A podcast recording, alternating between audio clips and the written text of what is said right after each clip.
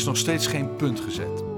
Als je wil kun je een lange rij voorbeelden noemen van, in bestuurstermen, dossiers die al jaren, soms decennia lang voortslepen en maar niet dichtgeklapt worden, kunnen worden. Omdat de gedupeerde geen recht is gedaan en nog altijd rondlopen met vragen, op zijn best. Ik sprak met Renske Leijter, Kamerlid voor de Socialistische Partij, over twee voorbeelden dicht bij huis. De vuurwerkramp en het toeslagenschandaal, zoals zij het noemt. Leijten is met onder meer Pieter Omtzigt jaren bezig geweest om de misstanden bij de Belastingdienst bij de bestrijding van fraude met kinderopvangtoeslag op de politieke en maatschappelijke agenda te krijgen.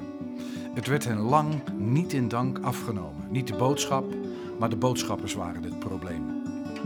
En Leijten was de initiatiefnemer van een motie die leidde tot nieuw onderzoek naar de vuurwerkramp. Nou, behalve de vragen over die twee specifieke rampen, heel anders van aard, maar dat maakt voor het leed van de mensen die erdoor werden getroffen weinig uit, is er nog iets anders dat me puzzelt. Altijd. Hoe kan het toch dat het ons als samenleving, de politiek, het openbaar bestuur maar niet lukt om dit soort kwesties op te lossen, om wat fout ging vlot te herstellen, zodat het boek dicht kan? En hoe kan het dat de reflex bij dit soort drama's is om weg te duiken, om informatie achter te houden, om de verantwoordelijkheid af te schuiven in Den Haag, maar ook lokaal? Die vuurwerkramp en dat toeslagenschandaal zijn er sprekende voorbeelden van, maar ze staan niet op zichzelf. Ik nam Renske mee in de toren van het Balengebouw, het pand waar onze redactie is gevestigd, pal naast de plek waar 23 jaar geleden een vuurwerkbedrijf ontplofte. Renske. Want tegen de tijd dat we boven waren, waren we al heel onparlementair aan het tutoyeren. De kans is groot dat dat aan mij lag, maar we hebben het maar zo gelaten.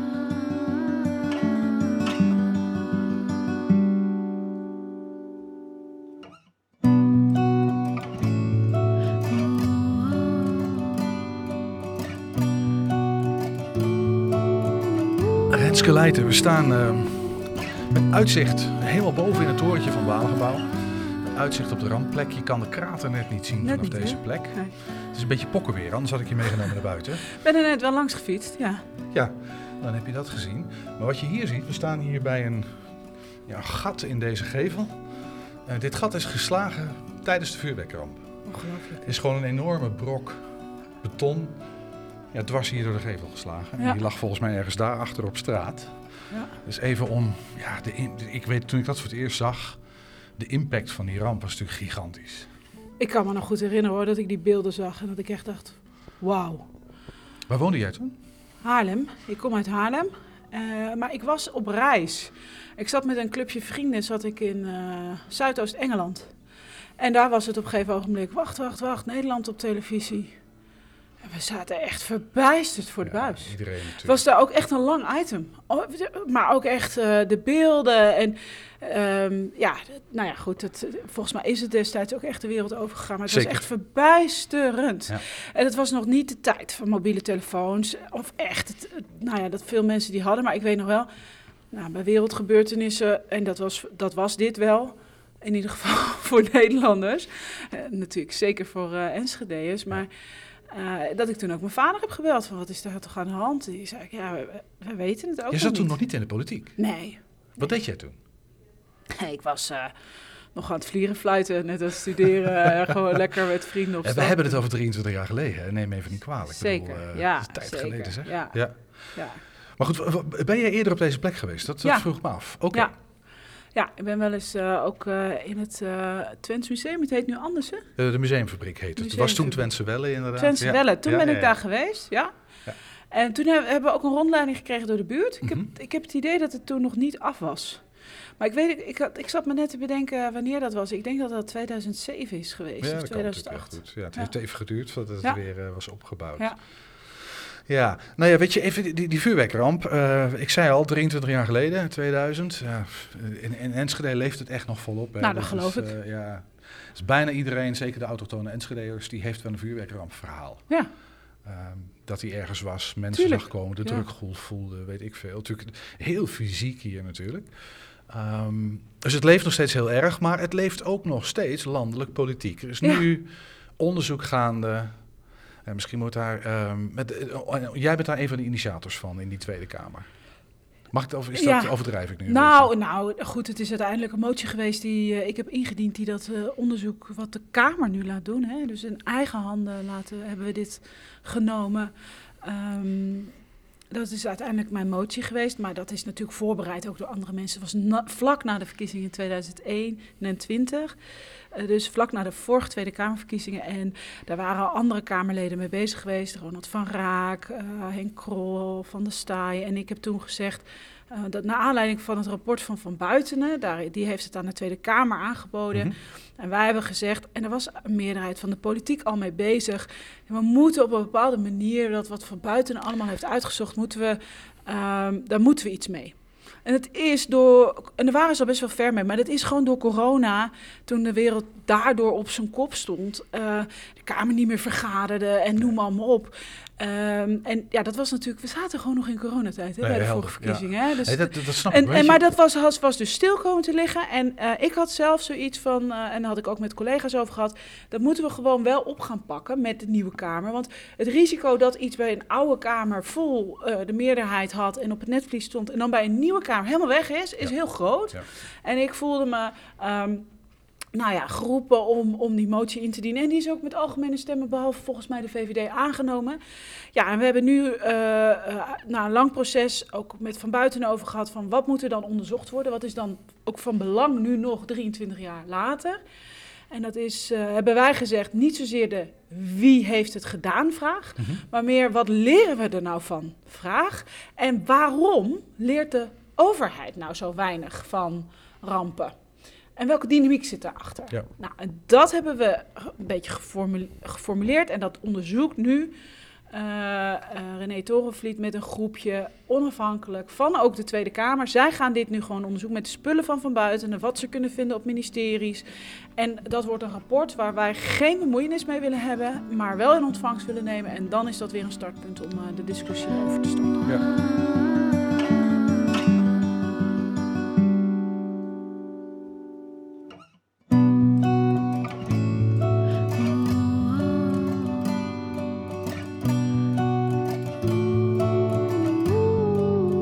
We zijn 23 jaar later. Hè? Ja. Ehm, en nog steeds geen helderheid kennelijk. Over belangrijke thema's. En eh, je hebt het dan over wat leren we hier nou van. Ja. Dat is toch bizar. Ik, ik, dat vond ik ook, hè. Eh, ehm, de- iedereen in de Tweede Kamer in, in, in, in fracties heeft zo zijn specialisme. Ergens waar hij zich dan helemaal induikt en Mhm. alles van weet. En nou, dan ga je, ga je als collega's, als fracties, ga je ook af van die specialist... of uit van die specialist als het gaat over... ja, wat moeten we als fractie stemmen of niet. En eh, nou ja, dit kwam dan eh, op mijn bordje. Zo klinkt zo afstandelijk. Maar hoe, Eh, maar toen dacht ik echt van, hoe kan dit nou nog steeds leven? Maar ik heb toen destijds ook nog wel nou, dat, het, de- het nieuws rond het rapport en de komst van Van Buiten in de Tweede Kamer gevolgd. Ja, en, en om heel eerlijk te zijn, ben ik daar niet heel erg over verbaasd. Ehm, dat, dat er, nou ja, toch politiek gezien eh, eh, het eh, handiger is om geen conclusies en uitkomsten te hebben dan wel. En dat is heel ongezond voor het vertrouwen in de politiek, het vertrouwen in instanties. Maar dat zie je wel bij heel veel andere grote rampen, catastrofen, schandalen. Zie je dat de hele tijd het wegduwen, niet mijn verantwoordelijkheid, het was een ander. ik heb gedaan wat ik kon doen. En als er niet iets of iemand zegt van ja, maar ja, hier is gewoon echt dit en dat en dat misgegaan, dat leren we ervan. En zo gaan we het oplossen voor de toekomst.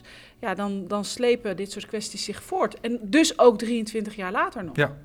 Het blijkt ook dat dat zo is. En tegelijkertijd, ehm, nou ja, ik zit wel meer in dit soort onderzoeksdossiers, eh, ook lokaal. En het blijft me verbazen dat de reflex is. Hè? eh, nee, nee, de reflex begrijp ik misschien nog. Het is een beetje het kindje dat een koekje uit de trommel heeft en mama zegt: Heb jij een koekje gepakt? Dan is het eerst: Nee, heb ik niet gedaan. Dat is je eerste reactie. Die snap ik. Eh, als een eh, soort primaire maar, reactie. Maar, maar, maar bestuurders dit- vergelijken met koekjes en Nee, koek, ah, of wel kinderen ja. met koekjes en koektrommels is echt niet oké. Want als je de verantwoordelijkheid hebt en je, je zit op een plek en een instantie om die verantwoordelijkheid te vervullen, dan hoort daar ook bij uh, verslaglegging doen en op het moment dat het fout is gegaan, dat eerlijk toegeven. En we hebben niet zo'n openbare, of zo, ja, zo'n overheid, niet zo'n politieke cultuur op dit moment. Lokaal vaak niet, zeker landelijk ook niet. En dat is een probleem. Ja, dat is inderdaad een probleem. Nee, ik bedoel dat het is een primaire reflex, die snap ik. Ja.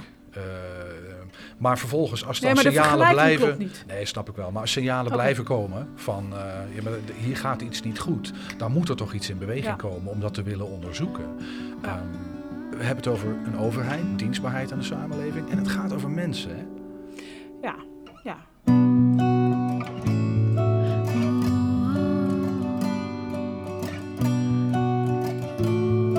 Um, we hebben het nu over de vuurwerkramp, hè, maar dat is natuurlijk een, al, een breder probleem. Uh, toeslagaffaire, nog zo'n uh, dossier, zeggen we dan, hè, in ambtstermen. Waar jij uh, en Pieter Omtzigt zich bijvoorbeeld heel druk over hebben gemaakt. Dat is ook zo'n verhaal. Waarin uh, bestuurlijk een, een reflex is van wegduiken in plaats van oplossen. Dat mag je, ja. denk ik, toch wel stellen. Dus die vuurwerkramp staat in dat, in dat opzicht natuurlijk niet op zich. Um, Afschuiven, uh, niet verantwoordelijkheid willen dragen. Maar die waarom-vraag, waarom gebeurt dat? Heb je, durf je al een antwoord te geven? Of, of zeg je van ik moet toch dat vuurwerkramponderzoek afwachten? Ja, nou ja, goed, kijk, ik kom in ieder geval tot de conclusie dat de bestuurlijke en politieke elite uh, er weinig consequenties aan heeft op het moment dat ze niet iets afronden. Volgende positie, volgend baantje, dat, dat is daar wel.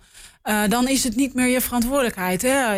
En, en, en dat, vind ik, dat vind ik lastig. Het lijkt wel alsof niemand verantwoordelijkheid draagt op zo'n moment. Het is heftig hè, om verantwoordelijk te draaien. Dit, dit zijn grote dingen. Uh, Zeker. Met enorme implicaties voor mensen, voor inwoners. Zeker, maar, het zou, zo, maar het, zou zo, nou ja, het, het, zou zo, het zou zo goed zijn als het op het moment dat er zoiets gebeurt, um, en jij noemt er nogal twee, maar dat er dan duidelijk is van, nou, op dat moment hadden we andere keuzes kunnen nemen, waardoor er een andere uitkomst had kunnen zijn. Dat weet je nooit helemaal zeker, natuurlijk. En dat kan een uitkomst zijn in de zin van om iets, om, om een, dergelijk, een dergelijk drama te voorkomen. Of het kan een uitkomst zijn om sneller nou ja. tot een oplossing te komen. Ja, maar goed, kijk, het kan natuurlijk hartstikke goed zijn dat op het moment dat uh, uh, er in uh, Enschede was gezegd: wij hebben. Wij, we hebben gehoord van wat er is gebeurd in Culemburg. Uh, we hebben dat naast ons neergelegd, want we hebben daar die redenen voor gehad. Dan kan het alsnog een enorm... Die ramp is gebeurd. Je refereert aan de vuurwerkramp. Ja, de vuurwerkramp. eerder in Culemborg, ja. 1979. Ik weet even niet nee, precies Nee, nee, nee. Nou, recenter ervoor. Ja. Um, ik heb dat ook niet helemaal paraat welk jaar dat was. Maar het was redelijk recent nog daarvoor. Uh, zeker in tijden van waar we het nu over hebben, 23 jaar. Maar er kunnen hele valide redenen zijn geweest waarom er bijvoorbeeld niet naar is gekeken. Er kan ook een reden zijn geweest die misschien niet valide is, maar dat er niet naar is gekeken. Maar leg dat neer. En uh, dan lijkt het wel alsof de verantwoordelijkheid wordt weggeschoven. Ja, dat was niet ik, dat was iemand anders. Of dat moeten we verder onderzoeken. Nee, we moeten het nog verder onderzoeken. We zien het nu in het toeslagenschandaal. Ze zijn maar bezig met nog verder onderzoek. We hebben, weten over sommige onderdelen weten we tot op uh, het tijdstip van het versturen van mailtjes wie erbij betrokken was. Maar uiteindelijk weten we helemaal niet uh, wat er nou precies gebeurd is bij andere toeslagen. Terwijl we weten dat daar ook mensen gedupeerd zijn. We weten ook niet wat er ge gebeurd is buiten. Hè, binnen de hele belastingdienst buiten toeslagen. Bij bijvoorbeeld MKB'ers of bij de hypotheekrenteaftrek. Dat weten we niet. Terwijl we weten wel dat het systeem wat is, en de werkwijze die zijn gebruikt bij dat toeslagenschandaal, dat die in de hele Belastingdienst zijn gebruikt. Dus het lijkt wel alsof we dan met het uh, zogenaamde oplossen inzoomen op een heel klein detail en dan maar eventjes het systeem eromheen vergeten. Dat is wel een dynamiek die je bij alles ziet. Maar, en we laten ons enorm afleiden daardoor. Uh, snap ik, maar dan gaan we even naar het vuurwerk onder. Uh, dat, dat, dat, ramp, uh, dat ja. onderzoek naar de vuurwerkramp. Ja. Um, wat wil je daar precies uit hebben? Want dat kan natuurlijk ook een heel specifiek probleem met een heel specifieke aanleiding waar hele specifieke diensten bij betrokken waren. De brandweer, de inspectie, nou, noem het op. Um, nou, er komt iets uit. Uh, en dan, dan, misschien weten we dan straks wat daar verkeerd is gegaan en wat er beter moet. Dan hebben we dat pakketje opgelost. Zeg nog niks over de toeslagenaffaire natuurlijk. Terwijl, nee. ik, terwijl ik jou hoor zeggen, het zijn dezelfde dynamieken. Nou, ik zou dat, ik zou dat niet zozeer uh, durven uh, zeggen. Ik denk dat we nu dat onderzoek wat wordt gedaan ook echt moeten afwachten. We hebben ook echt daarover gevraagd van wat is precies de bestuurlijke reflex. Hè? Dus waarom wijst iedereen de verantwoordelijkheid eigenlijk af? Maar is dat een andere bestuurlijke reflex dan die je ziet bij andere dossiers? Waar ook de rode vlag gehezen wordt, gaat iets mis. Nou, precies en in dat. plaats van oplossen, we duiken we weg. Ja, precies dat. En op het moment dat er mensen om... Uh, opheldering vragen. Op de manier waarop ze dat dan doen kan misschien problematisch zijn, maar dan wordt dat geproblematiseerd. Dus dan is. Uh, dan Klokkenluider is de schuld. Ja, precies. Dus niet, niet het probleem is het probleem, maar aandacht voor het probleem is het probleem. En dat is iets wat ik als parallel bij heel veel dingen zie. Um, en ja, het zou heel goed zijn als we daar een, een vinger achter krijgen.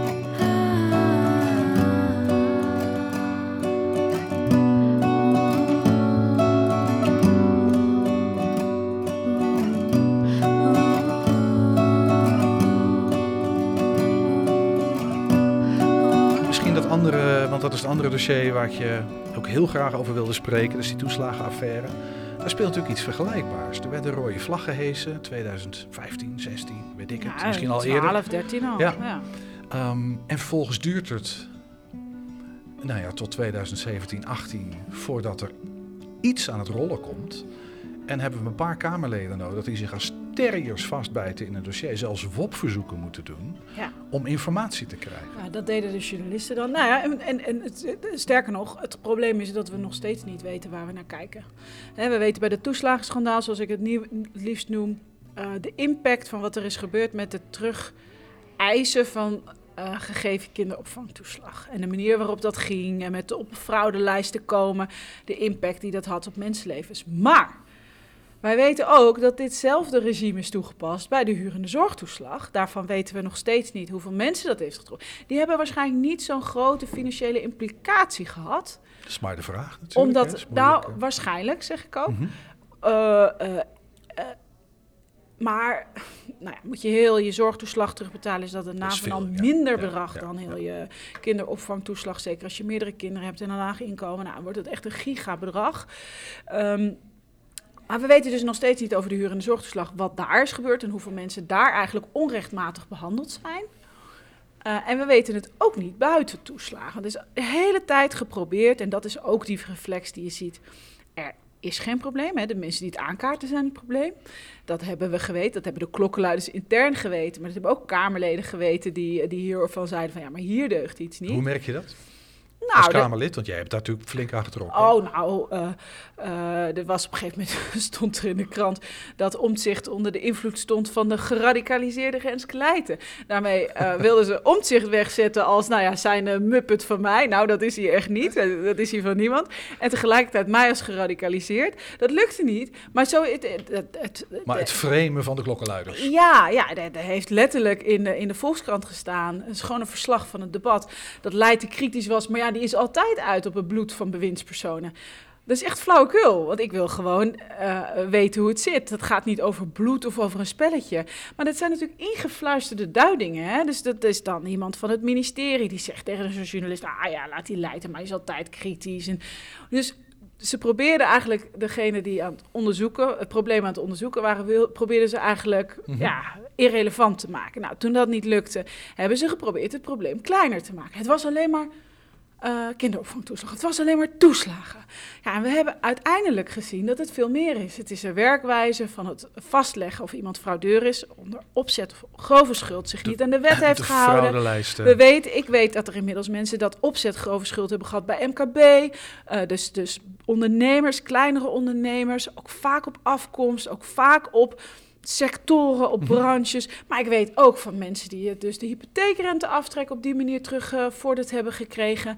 Ik denk dat we nog heel veel niet weten. En dat vind ik het lastige eraan. We moeten aan de ene kant die mensen helpen. Dat loopt helemaal in de soep. Dat weten ze totaal te verneuken. Sorry voor mijn, uh, voor mijn Nederlands, maar dat is wat het is. Het is echt schandalig dat ze het weten te verzieken. Uh, dus ze helpen mensen onvoldoende, onvoldoende snel. En die kunnen daardoor niet verder met hun leven. En tegelijkertijd is er nog steeds geen eerlijkheid over wat er nog meer is gebeurd. En in de politiek, dus in de politieke arena, in Den Haag, in de kaastop, zoals ik dat noem. Daar zeggen journalisten, nou, nou, nou, zij leiden om zich daar nou nog steeds mee bezig. Die blijven ook wel hangen in het verleden. Nou, daar heb je het alweer. Wij worden nu geframed als het probleem. Terwijl wij nog altijd willen weten wat het probleem nou eigenlijk is wat we onderzocht hebben. Is dat echt zo? Want eh, in die zin dat er best wel aandacht is. Ik denk dat we allemaal weten. Ik heb recentelijk een paar podcasts gemaakt met slachtoffers van de toeslagenaffaire hier in Enschede. En dan hoor je ook, hè, de, erkenning was al een enorm ding. En, uiteindelijk is het dan zover dat mensen erkend zijn hè, als, uh, als gedupeerden. Eh, en dan, eh, dan, dan moet er iets richting herstel. En dat, dat wordt gefrustreerd, dat loopt voor geen meter. Maar op zich is dat best bekend, hè, dat, dat dat zo is. Dat is, dat is, is ja, het dan nee, geen maar goed, nieuws maar, meer? maar dan, eh, dan, nee, ja, ka- ik vind het onbestaanbaar dat er dus eh, gekozen is voor de uitvoering en de werkwijze waarin nu dus mensen vastlopen. Er zijn meer dan 2000 mensen bij die hersteloperatie aan het werk. En de mensen die ik ken van drie jaar geleden, die actie voerden bij de Belastingdienst, die hun dossier opvroegen, die belangrijk waren in het ontrollen eigenlijk, het, en het wakker maken van Nederland, van hier is iets aan de hand, die zijn nog steeds niet klaar. Dat is niet uit te leggen. Dus daar, ga, daar worden keuzes gemaakt waarvan wij zouden moeten zeggen: weg met die keuzes. Waarom doet de Belastingdienst dit nog steeds? Waarom wordt er uitgegaan van allemaal deelbesluiten? Dat eh, was in een van jouw podcasts ook het gesprek. Dan ben je klaar met het ene deelbesluit, moet je naar de volgende hoepel. En bij die volgende hoepel mogen ze weer drie maanden wachten. Kun je, kun je weer in beroep en. Iedereen wordt gek van de procedures. En waarom is dat opgesteld? Omdat de dienst zo werkt. Maar we moeten uitgaan van wat mensen nodig hebben. Dus je moet het helemaal omdraaien.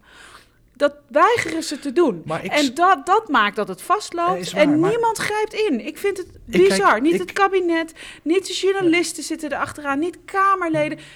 Wij kunnen daar niet op ingrijpen. Wij kunnen geen ambtenaren Nee. aannemen en of ontslaan. Maar als dan nu na drie jaar blijkt dat de Belastingdienst niet wil, niet kan, de, Wat de is boel het? Niet willen, niet draaien, kunnen. het is allebei.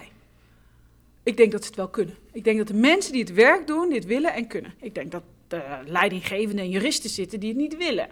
En Vanwege de consequenties, imago-schade. dan hebben ze het niet meer in hand. Dan moeten ze eh, lagere ambtenaren of gewone ambtenaren moeten ze dan gaan vertrouwen. Want op het moment dat je zegt er moet gewoon een besluit worden genomen met mensen aan tafel, dan moeten dus ook daar die besluiten worden genomen. Mhm. Waarom dan kan kan jij het- dat als manager niet meer controleren. Nee, snap ik. Waarom kan het wel met de energietoeslag en, eh, en, en, en niet met een herstel als het gaat om die toeslagenaffaire, of dat toeslagenschandaal?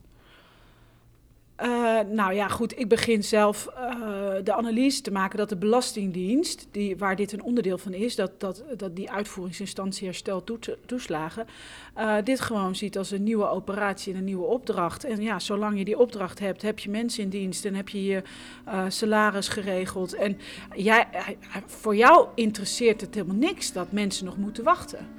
Jouw secretaresse maakt afspraken, jij hebt vergaderingen, ja, jij hebt weekend, jij hebt je salaris. Is, Ik heb wel eens gezegd, als we nou eens alle bestuurders van de Belastingdienst en van de regering geen salaris zouden geven totdat dit is opgelost, moet je zien hoe snel het gaat. zijn we zo klaar. Het is. Ik, het lijkt Maar- wel alsof die Belastingdienst het voor zichzelf aan het doen is. En niet meer. En het is te lelijk om te zeggen, hè? Het is bijna een Maar je- complottheorie. ja, het is, het, is niet Maar- alleen te lelijk, je kunt het je ook bijna niet voorstellen. Omdat je als nee, maar we weldenkend konden mens... onze toeslagenschandaal ook niet voorstellen.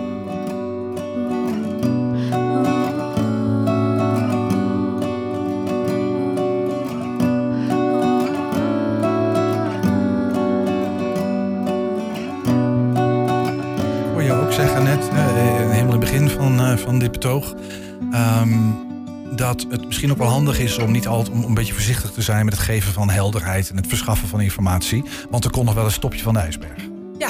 Eh, dat impliceert nou, ik, iets van boos opzet. Nou ja, kijk, als je er drie jaar over doet om mensen niet te helpen, ik weet niet wat de andere conclusie dan opzet zou kunnen zijn. Dat is niet meer een individu- dat is Ehm, niet meer een individueel foutje van een ambtenaar. Dit is systematisch falen om het eh, op te lossen. En dus ook systematisch falen om een andere werkwijze te kiezen. Kijk, ik neem even het voorbeeld de van de wat dossiers. doen. Dan moet de Kamer toch zeggen Ja, van, de ho jongens, luister ja, maar dat is het punt. Wij kunnen niet mensen ontslaan of aannemen. Eh, wat de Kamer zou kunnen besluiten, wat ze niet durft, eh, waar wel een grote beweging voor is, maar niet de meerderheid, om te zeggen, we halen het weg bij de Belastingdienst. Waarom durft de Kamer dat? Waarom is daar geen meerderheid? Nou, dat was is daar lef voor nodig? Twee jaar geleden, nee, drie jaar geleden inmiddels zeiden ze tegen mij, ja, maar dan verliezen we tijd. Nou, inmiddels zien we dat we drie jaar hebben aangemodderd, heel veel geld kwijt zijn, allerlei adviezen, noem allemaal op. Echt KPMG, Buston Consultancygroep, ze zijn allemaal binnen geweest om het procesmatig te verbeteren. Het eind is nog niet in zicht. Nee, absoluut niet. Nee, maar dus dat zou je moeten willen omdraaien. Maar neem zoiets als de dossiers. Mensen krijgen hun dossier niet. Nou, dat is echt niet zo moeilijk om dat samen te stellen. Dat is de, win, de wil. Maar uit die allereerste dossiers die er waren, weet je nog drie jaar geleden dat er mensen actie voerden bij de Belastingdienst. en Die kregen hun dossier heel veel zwart gelakt, maar ook met heel veel informatie. Uit die dossiers kwam toen uiteindelijk dat er een zwarte lijst bestond. Dus het zou wel eens zo kunnen zijn dat mensen hun dossier niet krijgen, omdat de Belastingdienst denkt: ja, misschien maken we eh, hier mensen en de samenleving en journalisten wel. Uh, wijzer, wijzer dan, dan, uh, ze moeten zijn. Hoe kan je nou drie jaar geleden een dossier hebben gevraagd en het nog steeds niet krijgen? Dat is onwil. Dat is echt onwil. Want het begint allemaal bij wat heeft de Belastingdienst nou allemaal voor informatie over mij? Renske, luister eens. Als dat echt onwil is. We hebben het hier over de Belastingdienst. Dat is een dienst aan ons als samenleving, inclusief jij en mij. Van ons allemaal. Van ons allemaal. Als die dienst zich niet dienstbaar opstelt, maar onwil toont en blokkades opwerpt om die dienst te kunnen verlenen, ja, dan hebben we een levensgroot probleem in ons land. Maar dat hebben we ook. Het toeslagenschandaal is een levensgroot probleem. Maar waarom is de Kamer? Dat is toch onbegrijpelijk dat de Kamer nou ja, dan niet zegt: jongens, hier moeten we wat aan doen. Ja, nee, omdat een meerderheid daarvan uh, niet durft door te pakken. Ik snap dat niet. Is, is, is het gek dat mensen dan hun vertrouwen in het systeem, in instituties, in de politiek verliezen? Nee, dat is helemaal niet uh, te. Dat is, dat is een hele logische reflex. Alleen ik zou tegen mensen die het verliezen willen zeggen: wij hebben jullie juist nodig om te zorgen dat het verandert. Want op het moment dat je denkt, nou, ik heb er geen vertrouwen meer in, wat ik me kan voorstellen, ik ga niet meer stemmen, ik haak af, ja. dan zijn juist die krachten die het wel willen veranderen ook verzwakt. Dus, uh, uh, maar het is op heel veel vlakken mhm. dat er ook uh, niet wordt geloofd dat het anders kan. Terwijl natuurlijk kan het anders. Is dat en er zijn genoeg mensen binnen de Belastingdienst die dat ook anders willen. Hè? Er zijn genoeg mensen die zeggen, laat mij het oplossen voor mij, dat gezin wat voor mij zit. Maar dan moet het weer naar een manager. En dan moet weer naar een supervisor van een manager. En dan moet weer naar een regie. Weet ik veel wat. Soms moet zelfs de staatssecretaris meekijken bij individuele dossiers. Ja, dat is natuurlijk idioot. Want voordat het helemaal bij de staatssecretaris is, is het langs zes, zeven deuren gegaan. En ben je dus ook zes, zeven maanden verder. Dat hoeft niet. Als je gewoon aan tafel zegt: ik geef er een klap op en deze persoon krijgt deze compensatie en kan door met zijn leven.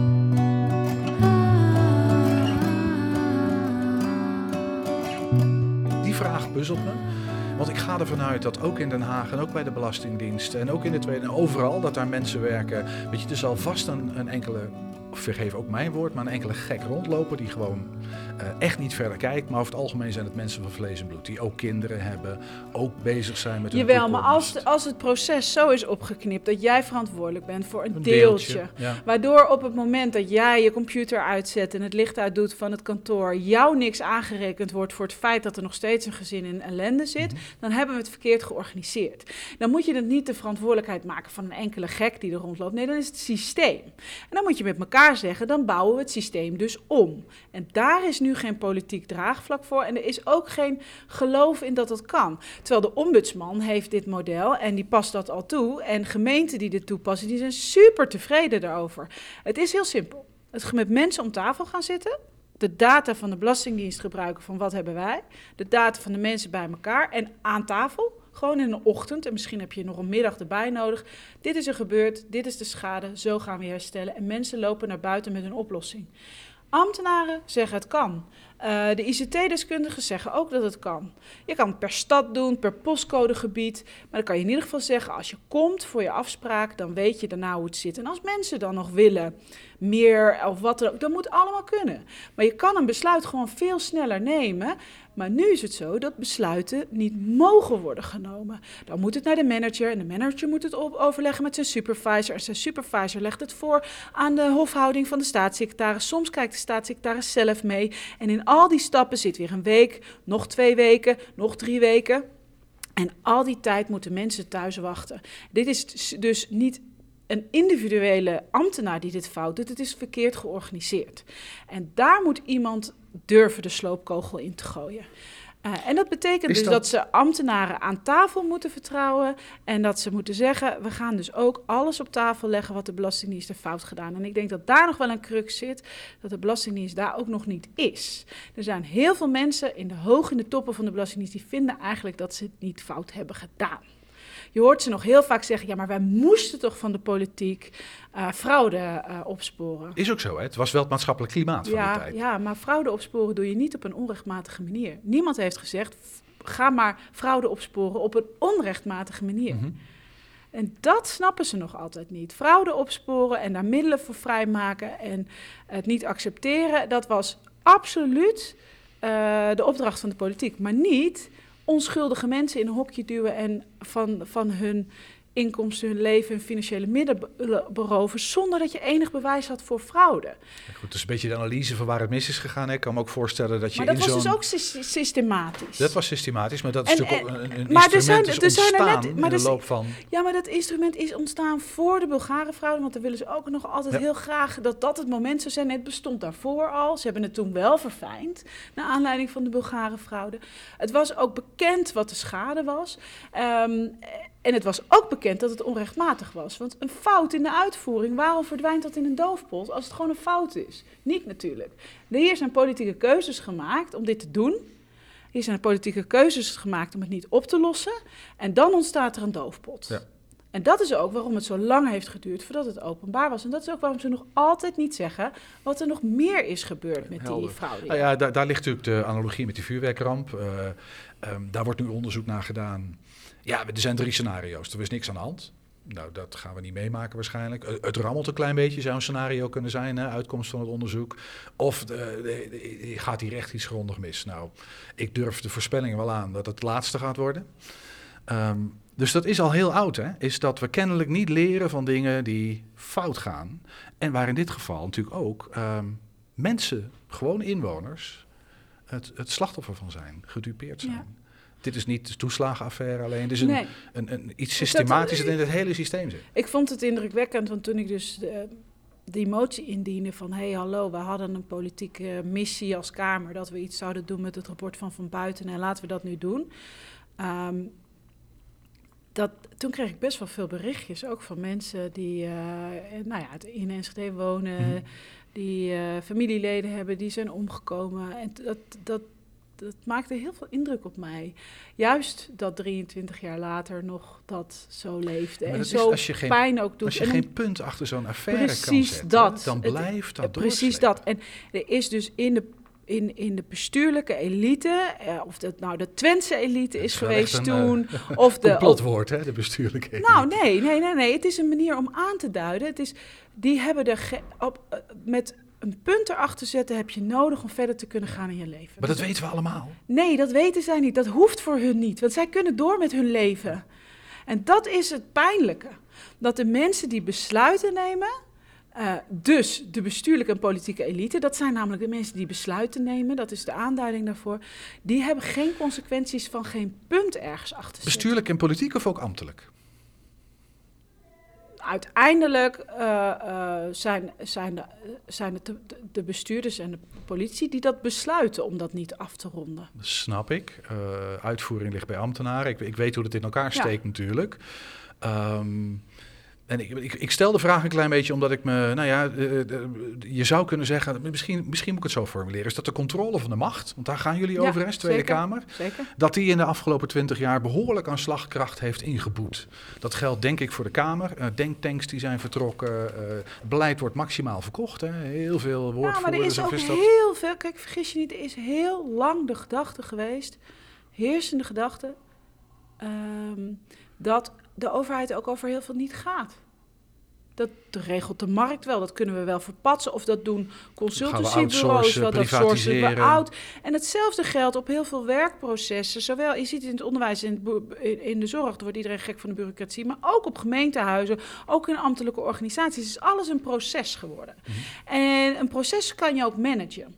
Het gaat niet meer over de inhoud, het gaat niet meer over de uitkomst. Dus het gaat ook niet meer over die punt kunnen zetten. En dat is ook systematisch misgegaan door een ja, politiek overheersend idee dat je op deze manier de, manier, de, manier de wereld het meest vormgeeft. Ja, maar het, het, het blijft natuurlijk, want je, het beleid maken is niet makkelijk. Hè? De, allicht dat dat wetten maken is ingewikkeld, dat vind ik een ingewikkeld, soms een heel ingewikkeld proces waar je Kan heel veel je factoren, ja. ja. maar dan nog. Ik Ja. bedoel, het- heel veel factoren waar je rekening mee moet houden.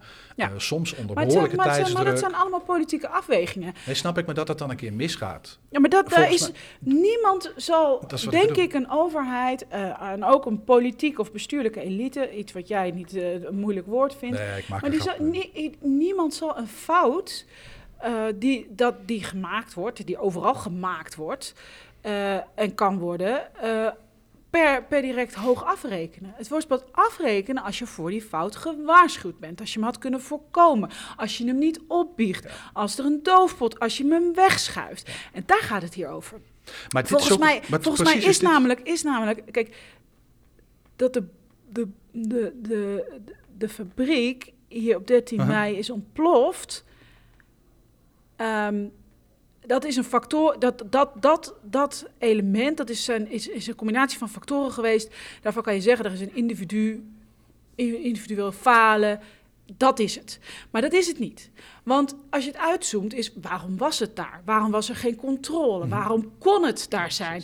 Waren er dan lessen? En daar moet je naar kijken. En als je dan die lessen had meegewogen, als je die lessen had geleerd, had je dan nog besloten voor die vergunning te verlenen? Eh, speelden er andere belangen mee? Eh, welke belangen dan? En dan kan het heel goed zijn dat het geïsoleerde moment van het ontploffen van de fabriek, Mhm. dat eigenlijk, ja, dat is natuurlijk de daadwerkelijke eh, bron van nou ja, het vernietigen van een wijk. Eh, en, en het hart van heel veel mensen en, het men- en mensenlevens uiteraard. Maar uiteindelijk eh, is dat dan niet de vraag van daar hoe dan niet? Wie is daar verantwoordelijk voor? Uiteindelijk moet politiek en bestuurlijke elite dan kijken naar... hebben wij dit kunnen, voor, hadden wij dit eventueel kunnen voorkomen door de fabriek daar niet te laten zijn, vergunningverlening, betere toezicht, eh, andere, nou, op allerlei vlakken. En daar wordt dan onvoldoende naar gekeken. En dan wordt er ingezoomd op de individuele. Want dat proberen, ze, dat proberen ze namelijk bij het toeslagenschandaal ook te doen. Individuele ambtenaren. Nee, daar gaat het niet om. Het gaat om het systeem. En wie heeft er dan op het moment dat de rode vlag uitging... bijvoorbeeld toen er in Culemborg een grote ramp was met vuurwerk... waarom is die rode vlag niet gezien? En er kan ook nog een, een individuele verklaring voor zijn... dat iemand die niet heeft gezien. Maar dan moet je nog weer kijken naar wie is er dan omheen. Nooit kan één iemand daarvoor verantwoordelijk worden gehouden. Nee. En dat moet je willen weten. En eh, ja, iedere keer Maar als zie je het dan toch dat... zoveel maar moeite ieder- kost iedere om keer, en dat is ook die gewoon- analyse te maken. omdat iedere keer er langs wordt onderzocht. Dus iedere keer wordt er wel een onderzoek gedaan en dan wordt Maar dan er zijn die onderzoeksvragen niet goed. Nee, precies. Maar is dat, is dat dan, dat kan ik zeggen, dat is dan ook niet slim. Dan moet je slimmere onderzoeksvragen stellen. Moet je onafhankelijker onderzoek doen. Dus de onderzoek is niet onafhankelijk vaak. Eh, ja. Dat, dat is dan je conclusie, ja, toch? Ja. Dat- Maar eh, dat- mijn dat vraag komt het ook een beetje voort als, als, als jij en Pieter Omtzigt in dit geval dan zoveel moeite hebben moeten doen. Want dat is toch echt een terriergevecht geweest. Hè? Zeker. Om, om eh, in ieder geval het begin van de, van, van de werkelijkheid rondom Kijk, en wij die zijn toeslagen wel, wij zijn wel geholpen. Hè? Ik bedoel, eh, als er kan, heeft best wel veel gedaan. Ook op, op het persoonlijk niveau, richting de staatssecretaris. Lodders hielp ons altijd van de VVD. Maar het, het is, het is ook met die journalisten onmetelijk veel gedaan. En niet te vergeten de advocaat. Ehm, het is niet goed dat het zo afhankelijk is van enkelen. Eh, want op het moment dat wij zouden hebben gezegd... nou, we kijken naar het volgende onderwerp... en we hebben het volgende debat en we Ja, of je hebt verkiezingen en de helft van de Kamer wordt Precies, vernieuwd en Renske. Leijten zit er niet meer. Dan, eh, En dat is heel slecht. Ja. Dat is heel ja, slecht. maar dat is een beetje wat ik bedoel met dat, eh, de, zeg maar die controlerende macht die de Tweede Kamer, maar het geldt voor de pers natuurlijk net zo. Hè? Die zijn ook erg van de waan van de dag, laten we eerlijk zijn. Eh, als die controlerende macht onvoldoende functioneert, ja, je weet dat dan macht corrumpeert. Dat is waarom we die controlerende functie hebben ingebakken in ons bestel. Ja, ik puzzel daar heel erg mijn hoofd over, moet ik je heel eerlijk zeggen. Iedereen heeft de neiging om dan het af te schuiven. Te zeggen, ja, maar die doet ook onvoldoende of die doet ook onvoldoende. Ehm, er, zit een, er zit een dynamiek in de controlerende functie van de Tweede Kamer... waarin het soms dingen van de agenda kunnen vallen... en het dus niet tot een uiteinde komt. Ik zou zeggen, het zou niet zo ver moeten komen... dat er eh, rechercheurs in de Kamer zitten. Ik wil liever mijn tijd... Ik ben meer dan 2,5 jaar hier nou, bij kans fulltime mee bezig geweest. Nog altijd, terwijl ik helemaal geen woordvoerder op belastingen meer ben, noem allemaal op. Veel tijd kwijt, vind ik echt niet erg. Ik vind mensen die ook slachtoffers zijn, die kunnen me altijd bellen. Eh, Ik ga mensen langs met ze mee naar de dienst als het moet. Ik vind het echt niet erg. Tegelijkertijd is het wel idioot. Want eigenlijk zijn Tweede Kamerleden moeten nadenken over de toekomst van ons land. Hoe willen wij ons land inrichten over, de, over 5, tien jaar. Als wij daar niet over nadenken, als wij daar geen plannen voor maken, als Mhm. wij die plannen niet laten doorrekenen, niet met mensen bespreken, ja, dan, doet, dan doen dus nou, bedrijven dat voor ons. Dus ik heb ook wel eens zoiets van, wij moeten ons eigenlijk niet op zo'n, ja, het is een millimeter noem ik dat, en dat is het niet voor mensenlevens, Nee, maar als je kijkt over het politieke Ja. spectrum en alle onderwerpen, is het een millimetertje van toeslagen of van een vuurwerkramp zouden we het eigenlijk niet zo lang op moeten inzoomen, omdat het, het systeem uit zichzelf zegt: luister, we hebben een analyse gemaakt, dit is er in de kern fout gegaan, Ja. de explosie of Nou, de dat is het idee van dat zelfreinigend vermogen nadat Dit de rode is- vlag dit- is Ja, gehesen. precies. Dit Ja. is op het moment waarop we gewaarschuwd hadden kunnen zijn. Hebben we niet serieus genomen of we hebben anders afgewogen om die redenen. Dat en dat is er fout gegaan, dat en dat leren we ervan. En zo gaan we het herstellen. Het zou zoveel tijd schelen. En ik denk ook vertrouwen wekken voor Nederlanders. En, en, en uiteindelijk ook voor nou ja, heel ondernemend Nederland. Als de overheid zo zou kunnen werken. Ja, maar goed, weet je, ik, ik blijf denken dat we staan hier dat nu eh, in, in een torentje van een banengebouw met uitzicht op die rampplek, staan we de, die analyse met elkaar te maken. Ehm, er zijn heel veel slimme mensen en ook minder slimme mensen die diezelfde analyse kunnen maken. En toch vinden we het kennelijk ongelooflijk moeilijk. En wat ik je eigenlijk een beetje hoor zeggen, Ja, maar dan, dan- ik denk gaat, dat we dus gaat ergens toch over imago, Ja, maar ik, ja, we en, dan, functie, en dan krabben we ergens, dan krabben we ergens waar het niet jeukt. Dus, eh, en dat is waarom ik zeg, zeg van, eh, eh, ik ben er ook nog steeds over na, aan het nadenken, wat is dat dan? Ehm, de bestuurlijke en politieke elite kan het zich veroorloven om problemen niet op te lossen. Mhm. Dat is dus een van de dingen die, die een kern zijn. Ehm, waarom is dat? Nou, eh, eigenlijk zou de kiezer met hooivork achter aan moeten gaan. Als dit, te- maar ja, wij zijn allemaal afgeleid. Ik ben natuurlijk zelf ook kiezer, maar iedereen die kiezer is, is afgeleid. Je moet je boodschappen doen. Eh, de kinderen moeten naar de sport. eh, je hebt je werk en dit en dat. Dus, dus zo, je, je krijgt bepaald nieuws wel mee, niet nee. Nou, dan heb je de rol van de journalistiek. En er is een bepaalde grondhouding van vertrouwen richting de overheid. En die is, zijn ze nu aan het aantasten, diep aan het aantasten, om allerlei schandalen die er zijn, die vooral niet worden, op, niet worden opgelost, maar ook niet worden uitgelegd. Van hoe heeft het kunnen gebeuren en hoe gaan we dat de volgende keer voorkomen. Dat dat vind ik wel een groot probleem is voor eh, überhaupt zoiets als ons democratisch bestel. Ja, ik ben dat roerend met je eens. Dat is een van de belangrijke redenen waarom ik mij vastbuit in dit soort dossiers. Omdat ik ja, echt denk, en dat eh, is ook echt waarom mensen zeggen van ja, maar het maakt toch niet meer uit om te stemmen. ik haak af. Of ik ga eh, mijn informatie, ik vertrouw de instanties niet meer. Dus ik ga mijn informatie ergens anders halen. Zeker. Met allerlei wonderlijke Ja. theorieën die daar Ja. volgens dan eh, uit voortkomen. Ja, en dan, en dan, en dan eh, doet, doet, doet Kaag gisteren de uitspraak. Iedereen die zich niet uitspreekt tegen eh, nepnieuws en rechtsextremisme, die maakt het groot. Dan denk ik, nou ja, jij maakt het ook groot doordat het nu weer een kop is in een krant. Maar ik zou zo graag willen dat we de analyse kunnen maken met elkaar. Dat juist mensen ook vatbaar worden voor nepnieuws, desinformatie. En misschien wel echt extreme en rechtsextreme eh, eh, idealen of oplossingen, omdat de overheid niet levert in het oplossen.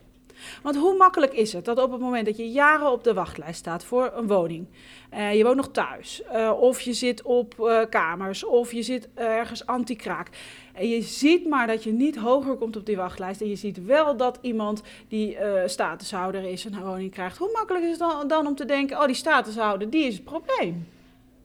En als er dan ook nog politieke valsmunters zijn die dat permanent blijven zeggen van ja, maar zij wel en jij niet, dan is dat op een gegeven moment natuurlijk ook de werkelijkheid. Terwijl als we de analyse maken van ja, waarom is die huisjesmelker degene die dat huis opkoopt, dat daar te koop staat, en gaat er niet gewoon een gezin in wonen, wat vervolgens een huurwoning achterlaat voor jou? Dat is een moeilijker uit te leggen verhaal, maar dat is uiteindelijk ook een van de oorzaken. En dan faalt dus het politieke systeem om dingen op te lossen en dan worden mensen uiteindelijk gaan ze zoeken naar andere verhalen, worden er ook vatbaarder wellicht voor, zien ook, nou ja, politieke kopstukken dingen zeggen waarvan ze denken, ja, jij bent tegen nepnieuws, maar dit is toch eigenlijk ook nepnieuws? Meten met twee maten? Ja, en dat vind ik echt heel erg. Ik vind dus rechtsextremistische denkbeelden heel erg. Maar ik vind ook het niet oplossen daarv- daarvan en het alleen maar aankaarten daarvan erg. En het framen van wat je dan wel doet. Of van wat er niet gebeurt. Dus het, het, het, het, het ontwijken. Ja, en dan denk nou- ik, ik zou dan echt... dat is ook desinformatie Ik zou, ik, zou dan echt, ik zou dan echt denken, kom beste mevrouw Sigrid Kaag, laten wij alle energie die jij nu steekt in dit, wat echt ook een probleem is, wat ik niet wil bagatelliseren. Maar in het oplossen van het niet helpen van de toeslagen slachtoffers. Zodat we, als er over een nou, half jaar mensen worden gebeld... hey, ben je geholpen? Dat iedereen in de kranten tegen journalisten tegen jou zegt... ja, en ik ben super tevreden ook. En dat je daar een fijne podcast over kan maken. En dat we Groningen oplossen. En dat we eh, de waarheid boven tafel krijgen bij mega-rampen zoals wat hier is gebeurd. Dan denk ik dat je uiteindelijk kan zeggen... Ja, je kan luisteren naar die echt rechtsextreme pipo's. En je kan uh, trappen in dat nepnieuws. Maar wij lossen dingen op. Nou ja, over desinformatie gesproken. Hè? Op het moment dat je aangesproken wordt op iets dat misgaat. Vuurwerkramp, Groningen, toeslagaffaire, maakt niet uit. Um, en je zegt, ja, er is niet zo heel veel aan de hand. Of je, uh, je kan natuurlijk moeilijk zeggen, het is fout gegaan, we doen er niks aan. Hè? Nee. Dus dan, wordt, dan, dan, moet je een verhaal verzinnen. Ja. Dus dan wordt er een verhaal verzonnen. Ja. Waarvan mensen denken van, ja, uh, die voelen wel aan, dit is een, een lulverhaal. Dit klopt niet. Uh, en die denken van ja, dat kan ik dus niet vertrouwen. Dat is ook desinformatie. Hè? Zeker. Over nepnieuws maar, gesproken. nou ja, zeker. En we hebben dat natuurlijk. Ja, ik vind. ik, ik, ik, ik kan me nog zo, zo goed. Ik denk altijd bij nepnieuws en het bestrijden van nepnieuws. Hè, het zeggen dat je bijvoorbeeld. Nou, doodgaat aan een vaccinatie. En dat is echt bewezen onjuist. Dat vind ik echt nepnieuws. Maar ik heb ook meegemaakt dat we toen we rond het Europees referendum, rond de Europese grondwet uh, bezig waren. Uh, dat, dat de regering toen zei, uh, ja, maar het licht gaat uit. Ja, het licht ging niet uit toen we tegenstemden. En is dat dan nepnieuws of niet? Ja, in de politiek doe je ook een overdrijving. Maar zeg dan niet, de ander is het probleem. Mm Hè? En, en, dat vind ik daar, dat vind ik daar zo, zo lastig Nou, dat is wel eentje die ik zelf lastig vind. Is het is hetzelfde je, als dat je gewoon nu bijvoorbeeld... Vandaag begint het World, World Economic ja. Forum in Davos. De SP vraagt al jaren al sinds haar bestaan. Wat gaan we daar nou precies? Wat gaat de regering daar nou precies doen? Met welke reden? Met wie praat je daar? Waarom ga je daarheen? Dat doen we ook met de Bilderberg-conferentie. Dat doen we met best wel veel dingen. Nu durf je dat bijna niet meer, want ja, oeh, dat is een wappieverhaal. Nou nee, maar waarom is het, zo, waarom is het niet transparant wat daar gebeurt? Dat is in zijn kern niet goed. Ja.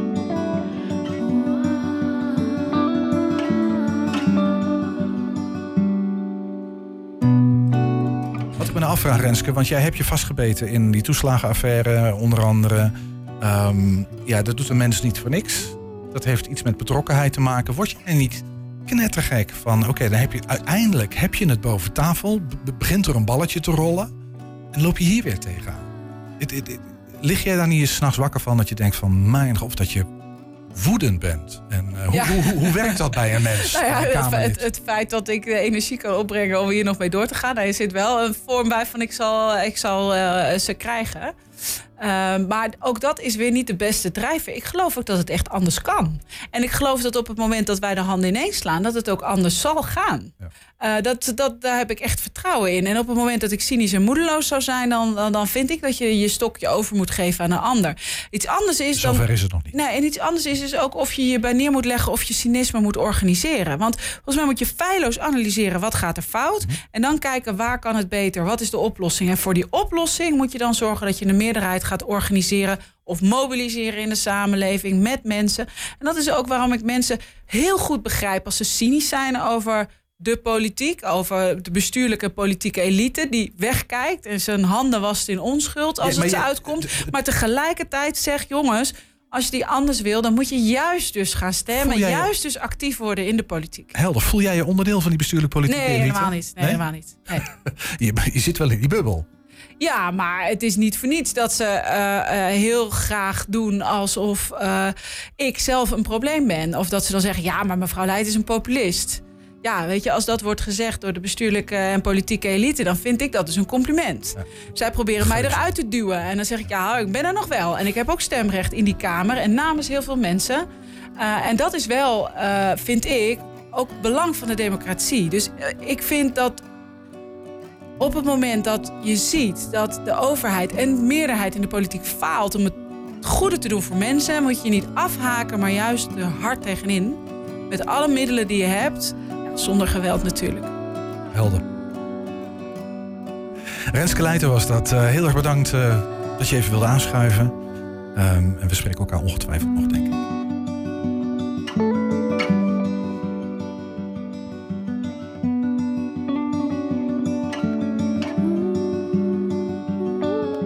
Spreekt is een productie van 120. Deze podcast is opgenomen tijdens een bezoek van Renske Leijten aan onze studio op maandag 16 januari 2023. In de podcast zijn een paar fragmenten opgenomen van het gesprek dat ik later die dag met haar had in 120 vandaag. Dat gesprek kan je terugvinden op onze website. Tof dat je luisterde. Nieuwe afleveringen van De Berg Spreekt verschijnen onregelmatig. Het is maar net wanneer we aanleiding zien om de microfoon weer eens lang open te zetten. Dus hou die website van ons in de gaten, ook voor ander nieuws uit en over Enschede en de regio. 120.nl